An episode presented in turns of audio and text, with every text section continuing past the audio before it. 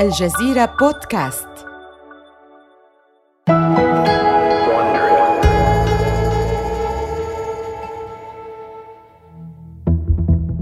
إنه يونيو عام 1988 يرمق برنارد زيغلر نائب رئيس شركة إيرباص كابتن ميشيل آزلين بنظرات متفحصة. يجلس الرجلان في غرفة اجتماعات بمطار مولوز شرقي فرنسا. إنهما ما يزالان يحاولان امتصاص صدمة النهاية المأساوية التي آل إليها العرض الجوي بالأمس لطائرة إيرباص A320 بأعجوبة لقي ثلاثة ركاب فقط مصرعهم بين ركاب الطائرة البالغ عددهم 130 راكباً في الحادث بعد أن أخطأت الطائرة ممر الهبوط واصطدمت بالأشجار واشتعلت فيها النيران. الآن يحاول المحققون تحديد ما إذا كان سبب هذا الحادث خطأ بشريا أم عطلا ميكانيكي. يطلب زيغلر بلطف من آزلين توضيحا للأمر. ماذا حدث يا ميشيل؟ ينظر طيار إير فرانس المرتبك إلى عيني الرجل الذي صمم نظام التحكم الآلي في الطيران لطائرة A320 لقد حاولت أن أحلق لكي أتفادى الأشجار لكن الطائرة الطائرة منعتني. لقد تسببت الحاسبات في ذلك الحادث. يعاود زيغلر النظر إلى آزلين ولا ينطق بأي كلمة. لقد شاهد اللقطات على التلفزيون. إنه يظن أن طائرة A320 كانت تعمل كما ينبغي لها.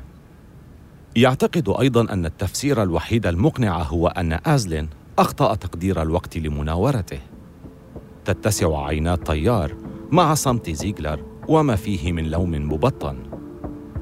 برنارد برنارد أنت تعلم أي طيار محترف أنا؟ مستحيل لا يمكن أن أكون السبب في هذا الحادث. لا يصدق زيكلر ما يقوله. يتساءل الإعلام إذا كان من الممكن الوثوق في مساعد الطيار الإلكتروني لكن بالنسبة لزيكلر فإن هذا هو السؤال الخاطئ. السؤال الصحيح هو هل يمكن الوثوق في الطيارين البشر؟ الطيارون ليسوا سوى بشر.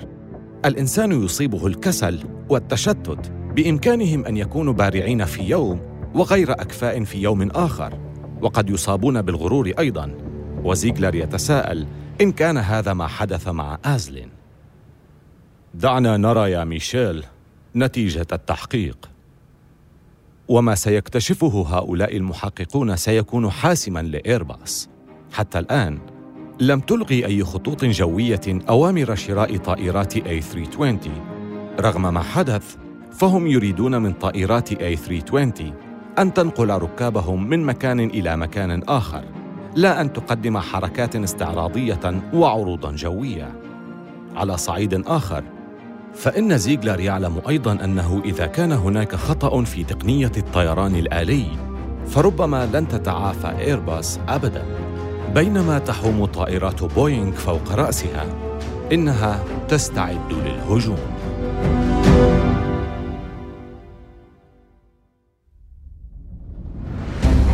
من الجزيرة بودكاست بالتعاون مع وونري. هذا بودكاست حروب الأعمال.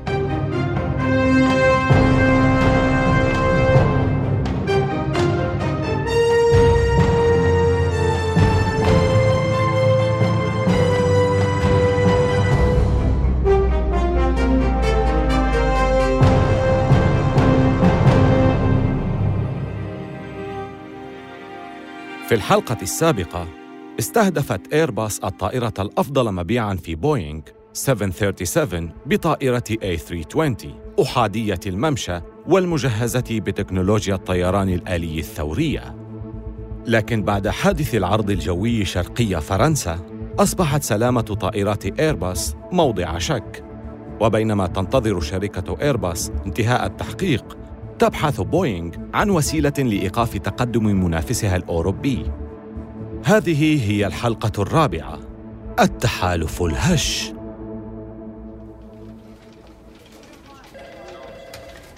إنه عام 1988 في المقر الرئيسي ليونايتد إيرلاينز بولاية شيكاغو الأمريكية.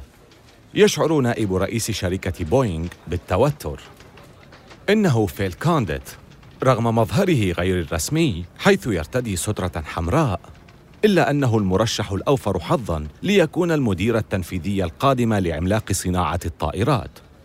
يزور كونديت مقر يونايتد إيرلاينز لعرض خطة هامة لمستقبل شركة بوينغ ولمستقبله هو أيضاً.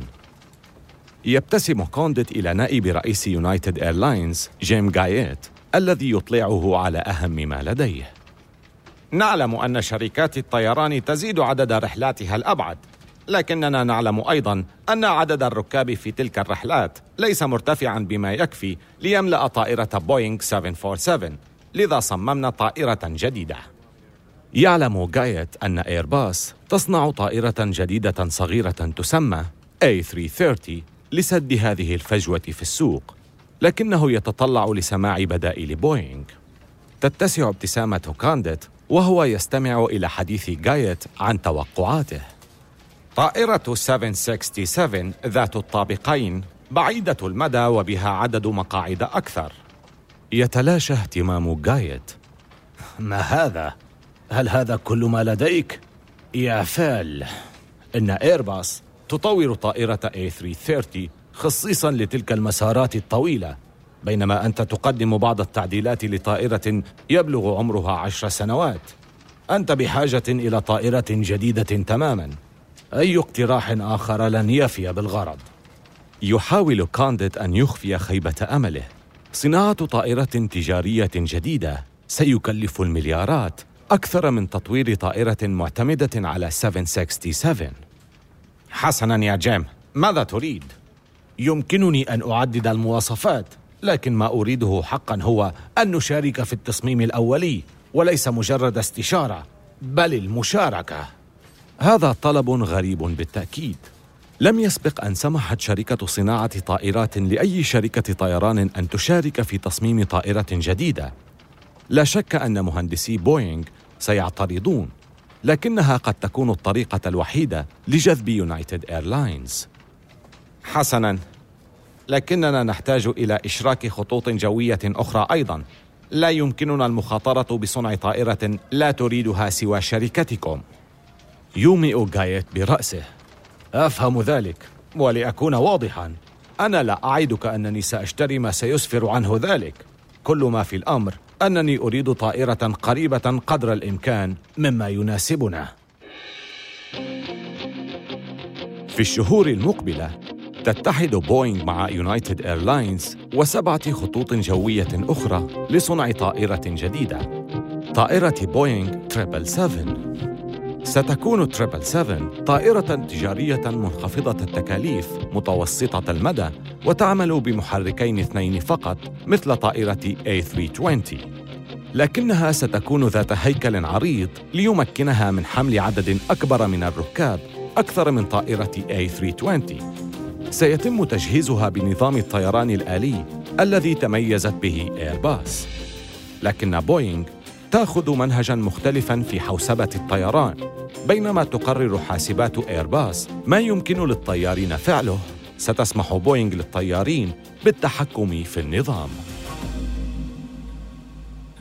لكن بمجرد أن بدأ العمل على triple 7 وصلت الاستنتاجات الأولية للدور الذي لعبه نظام إيرباص للطيران الآلي في حادث الاصطدام الجوي بمطار ميلوز إنه يونيو عام 1989 في إحدى المحاكم شرقي فرنسا.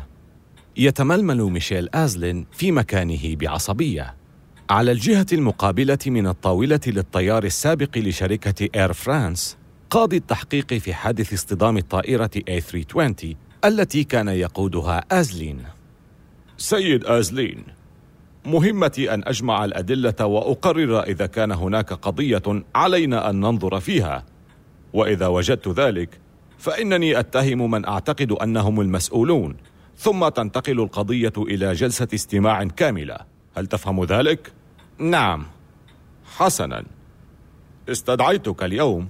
لأنني أرى أن هناك أدلة كافية لاتهامك بالقتل والإصابة غير العمد. لكنني بريء.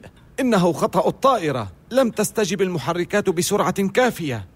سيد آزلين حاول أن تستوعب ذلك. هذا اتهام وليست إدانة. ستحصل على فرصة للدفاع عن نفسك خلال المحاكمة. يحتاج الحكم النهائي لسنوات. لكنه عندما يصدر فسيكون آزلين مدانا.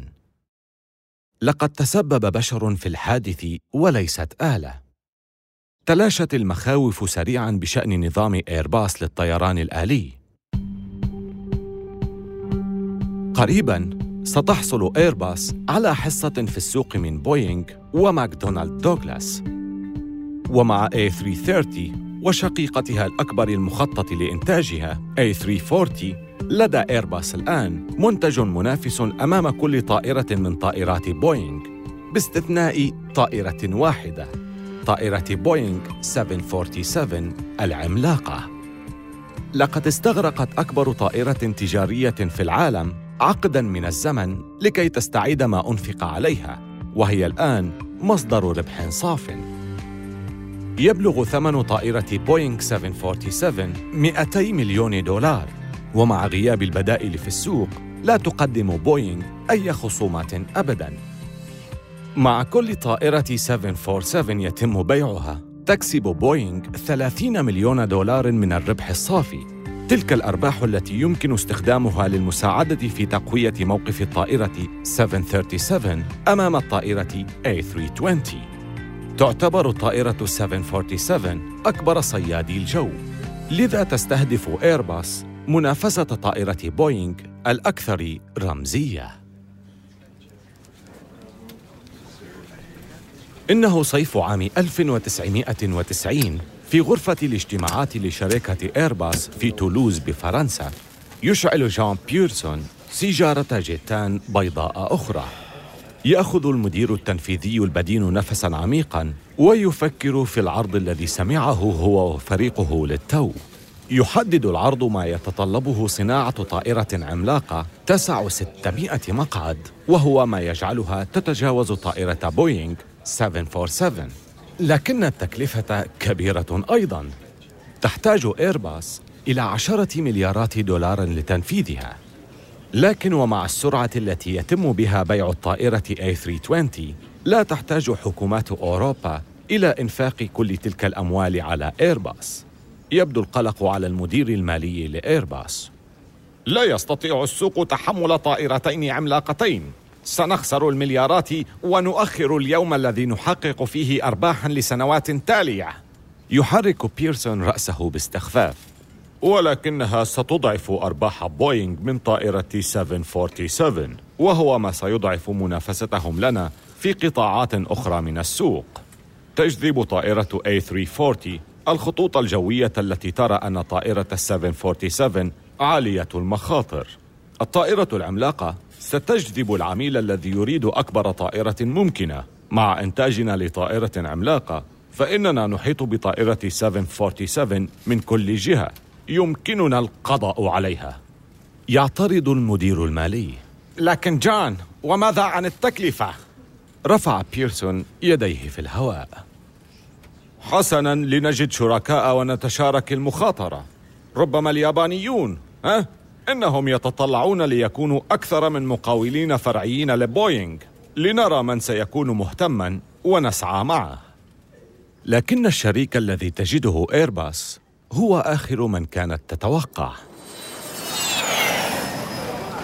إنه سبتمبر عام 1992 في العرض الجوي بمدينة فارنبرا بإنجلترا وقد فاجأت الأمطار الجمهور. وبينما هم يبحثون عن مأوى من المطر ينسل بيرسون بين الزحام ليصل إلى خيمة صغيرة بعيدة عن الطريق مزينة بشعار بوينغ. هناك لافتة للعاملين فقط معلقة على الباب. ينظر رئيس شركة إيرباص الفرنسي حوله ليتأكد أن أحدا لا يراه. ثم يخطو للداخل. في انتظاره رجل أصلع بسترة سوداء. إنه نائب رئيس شركة بوينغ جون هيهرست. يبدأ هيهرست مباشرة في الحديث عن العمل. أشكرك على قبول دعوتي يا جان. سأكون موجزا. نحن نتطلع لصنع طائرة عملاقة ونعلم أنكم تطمحون لنفس الشيء. لكن السوق أصغر من أن يتحملنا معا. سيخسر أحدنا أو ربما كلانا الكثير. والكثير جدا من المال بلا منفعة. اذا هل تريدنا أن ننسحب؟ في الحقيقة لدي فكرة مختلفة وهي أن نتحد معا. نجري دراسة مشتركة للتصميم وللسوق. نتقاسم التكلفة وإذا سار الأمر بشكل جيد من الممكن أن نتشارك في صنعها. لا يكاد بيرسون يصدق ما تسمعه أذناه. تحالف مع بوينغ لم يتخيل ذلك ابدا. لكن من الممكن أن يسير ذلك بشكل جيد. وإذا لم ينتج عنه شيء فإنه سيوفر على ايرباص مئات الملايين التي ستنفق على عمليات البحث والتطوير الأولية. إذا تعاونا معا لتصنيع وبيع طائرة عملاقة ستفقد طائرة 747 سيطرتها في مجال الطائرات كبيرة الحجم. سنحتاج للتفاوض حول آلية تمويل الدراسة وإدارتها. يبتسم هيهرست بالطبع لكنني أريد أن أتفاوض مع شخص واحد. لا أريد أن أتواصل مع مئات الممثلين لكل شركاء ايرباص أفكر في يورجن شرامب. يتنهد بيرسون. يدير شرامب دوتش ايرباص فرع دايملر بنز المسؤول عن إدارة مصانع إيرباص الألمانية. تمتلك دوتش إيرباص حصة تبلغ 38% من تحالف إيرباص. بالتأكيد بشرط أن يرغب يورغن في ذلك. لكن هيهرست يعرف بالفعل أن شرامب سيفعل ذلك. ذلك لأنه كان يلتقي سرا مع رئيس القطاع الألماني لإيرباص الطموح. وقد أقنعه أن هذا التحالف بين بوينغ وإيرباص سيضمن له الوصول إلى أعلى منصب في دايملر بنز. بعد عدة شهور في غرفة الاجتماعات بمدينة إشبيليا الإسبانية يخبر شريمب أعضاء إدارة إيرباص بما حدث مع بوينغ. تسير الأمور بشكل جيد لكن بوينغ تريد أن تدير دويتشه إيرباص. الجزء الخاص بنا في دراسة تصنيع الطائرة. كان لهذا الخبر وقع الصدمة على آذان بيرسون وبقية أعضاء إدارة إيرباص. كان الجميع يتوقع أن إيرباص ستتولى ذلك بنفسها. يعترض عضو إسباني من أعضاء مجلس الإدارة. يجب على إيرباص أن تفعل ذلك. إنها تمثل المجموعة كلها. يرمق شريمب العضو الأسباني. لا تريد بوينغ ذلك. إنهم لا يريدون العمل مع إيرباص نفسها. ثم إن هذه فرصة جيدة لدويتشه إيرباص. إذا رفضتم فإننا سنشكل تحالفا مع بوينغ على أي حال. دهش الجميع. يعني هذا أن شريمب يهدد بالانسحاب من تحالف إيرباص. لا أحد يمكنه قبول ذلك لأن إيرباص لا تستطيع الاستمرار بدون شريكها الألماني. يكسر بيرسون الصمت. أنا لا أعترض ولكن يجب علينا جميعا أن نسأل أنفسنا هذا السؤال. لماذا يريد الأمريكيون الذين يمتلكون نصف السوق كسر احتكارهم لطائرة جامبو بالمشاركة معنا؟ نحن الذين نمتلك عشرين بالمئة من السوق. يمر السؤال بلا جواب. لكنه يبقى معلقا في الغرفة مثل رائحة كريهة. ندم بيرسون عندما وافق على هذا التحالف. لقد بدأت تساوره الشكوك في أن بوينغ تستخدم التحالف كفرصة لزرع الشقاق داخل تحالف إيرباص وتأخير إيرباص من صنع طائرتها العملاقة. وإذا كانت هذه هي خطة بوينغ فإنها تنجح بالفعل.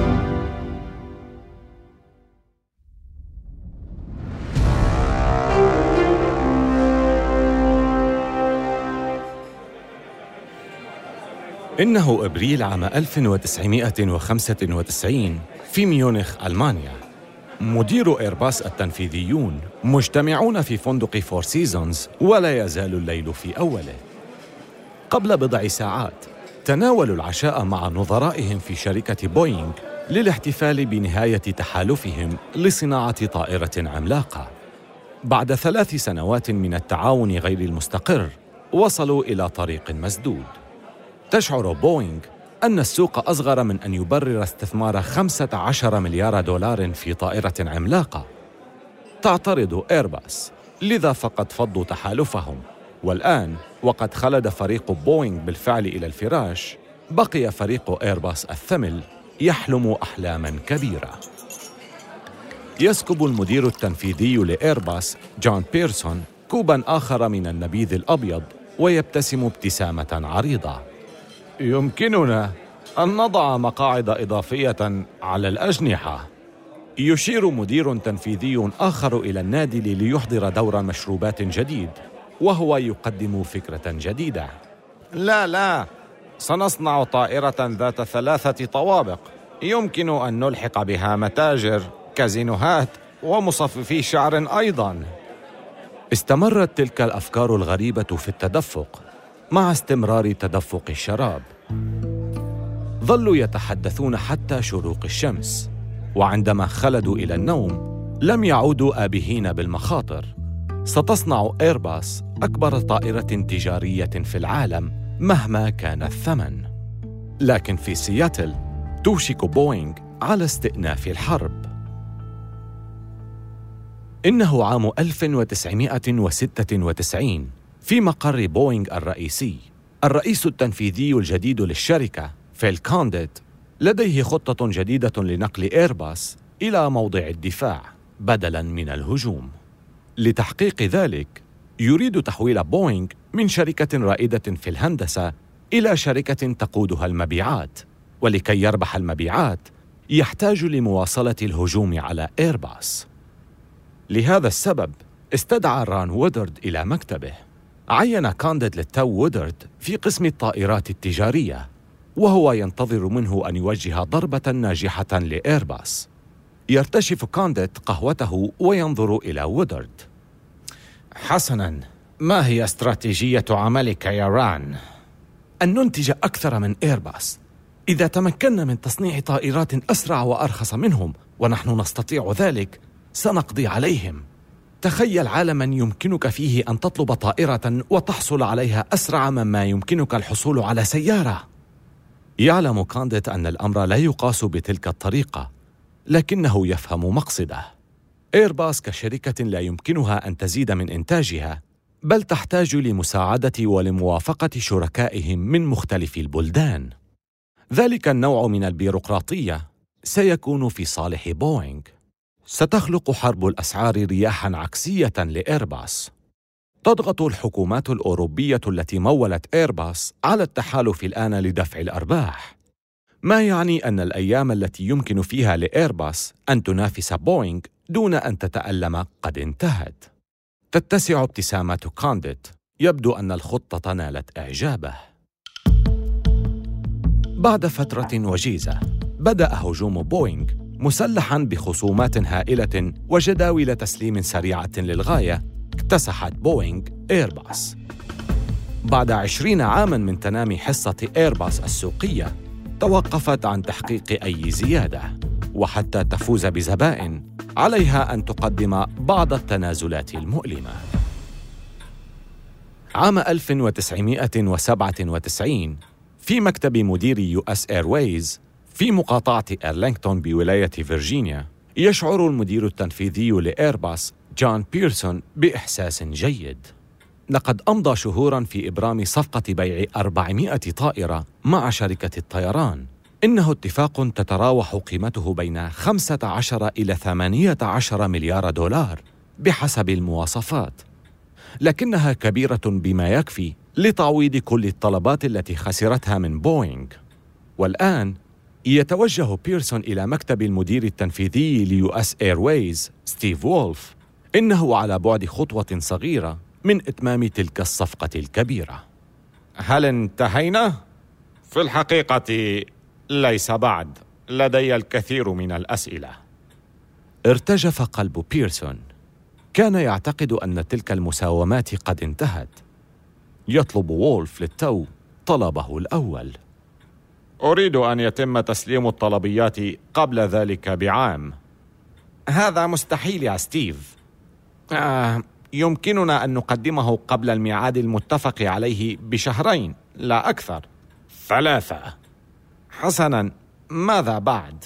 أريد خصم خمسة بالمئة من إجمالي الثمن. ينظر بيرسون في عيني وولف وينهض ببطء من على مقعده. ثم يفك المدير التنفيذي حزام وسطه ويترك بنطاله ليسقط. أترى؟ ليس لدي المزيد لأمنحك إياه. حسنا حسنا. يا للهول ارتدي بنطالك يا بيرسون. انتهى الأمر. الصفقة لك. فقط ارتدي بنطالك. لكن بينما يتعرض بيرسون للإهانة كانت بوينغ تكتشف الوجه السلبي للنجاح. في سبتمبر عام 1997 وفي مصنع بوينغ بمدينة رينتون في ولاية واشنطن يرتدي العمال بذلات بيضاء وأقنعة للوجه بينما يطلون أحدث طائرات 737 لكي تخرج من خط الإنتاج. ولكن يأتي الإعلان عبر نظام الإذاعة الداخلي. تجمعوا من فضلكم في ساحة المصنع لاجتماع عاجل. تجمع العمال ليجدوا مديرهم المجهد متوترا يتردد جيئة وذهابا. أم هناك أمر آخر. حسنا هناك إخفاق ما. لم ينتهي العمل بأسلاك الطائرة التي تقومون بطلائها. يجب أن يعاد العمل في هذه الأسلاك مرة أخرى. ثم نعاود طلاءها عندما تعود مرة أخرى. صاح أحد العمال في المدير. ماذا؟ مرة أخرى؟ ماذا يحدث هنا بحق الجحيم؟ يفكر كل العمال بنفس الأمر وذلك لأن استراتيجية مبيعات بوينغ الجريئة الجديدة نجحت. في الحقيقة لقد نجحت بشكل جيد لدرجة أن سيلاً من أوامر الشراء قد غمر الشركة. يواجه الموردون صعوبة في إنتاج الأزياء المطلوبة بالسرعة الكافية. يمتلئ مدرج المطار بالطائرات غير المكتملة خارج خط الإنتاج.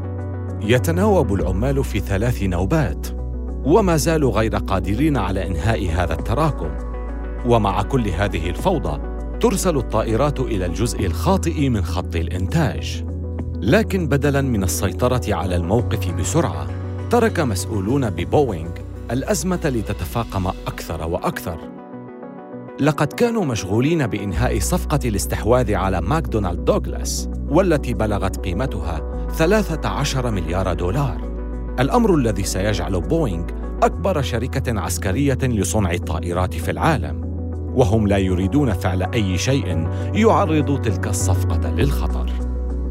أخيرا في أكتوبر عام 1997 عندما تمت صفقة ماكدونالد دوغلاس شرع فيل كونديت المدير التنفيذي في التصرف. فقام بإغلاق خط إنتاج الطائرتين 737 و 747 لمدة ثلاثة أسابيع حتى يستعيد النظام. لكن الدمار قد حدث بالفعل حيث أجبر الانهيار الذي أصاب الصناعة كونديت على شطب مليارين وستمائة مليون دولار. انخفض سعر سهم الشركة ماحياً أربعة مليارات وثلاثمائة مليون دولار.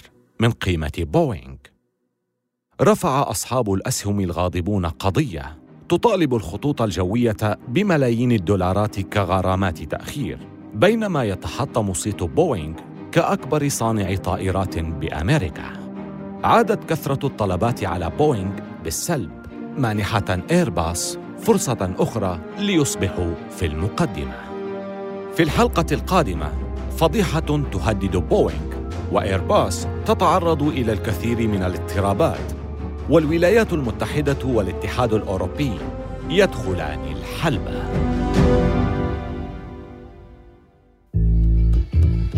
آمل أن تكونوا قد استمتعتم بهذه الحلقة من حروب الأعمال استمعوا إلى حلقاتنا عبر أبل بودكاست وجوجل بودكاست وشاركوها مع أصدقائكم ولا تنسوا زيارة موقعينا على الإنترنت podcast.aljazeera.net و wondery.com وملاحظة سريعة حول المحادثات التي سردناها لا يمكننا أن نعرف بالضبط ما قيل ولكن هذا الحوار مبني على أفضل الأبحاث التي قمنا بها. هذه السلسلة من حروب الأعمال. قدمها في نسخة اللغة الإنجليزية ديفيد براون وكتب القصة تريستان دونوفان. كبيرة المنتجين هي كارين لوي عملت إيميلي فروست على إنتاج هذه الحلقة وقام كير راندل بالهندسة الصوتية. والمنتجان المنفذان هما جيني بيكمان ومارشال لوي. أخرج السلسلة هيرنان لوبيز لصالح شبكة وندري.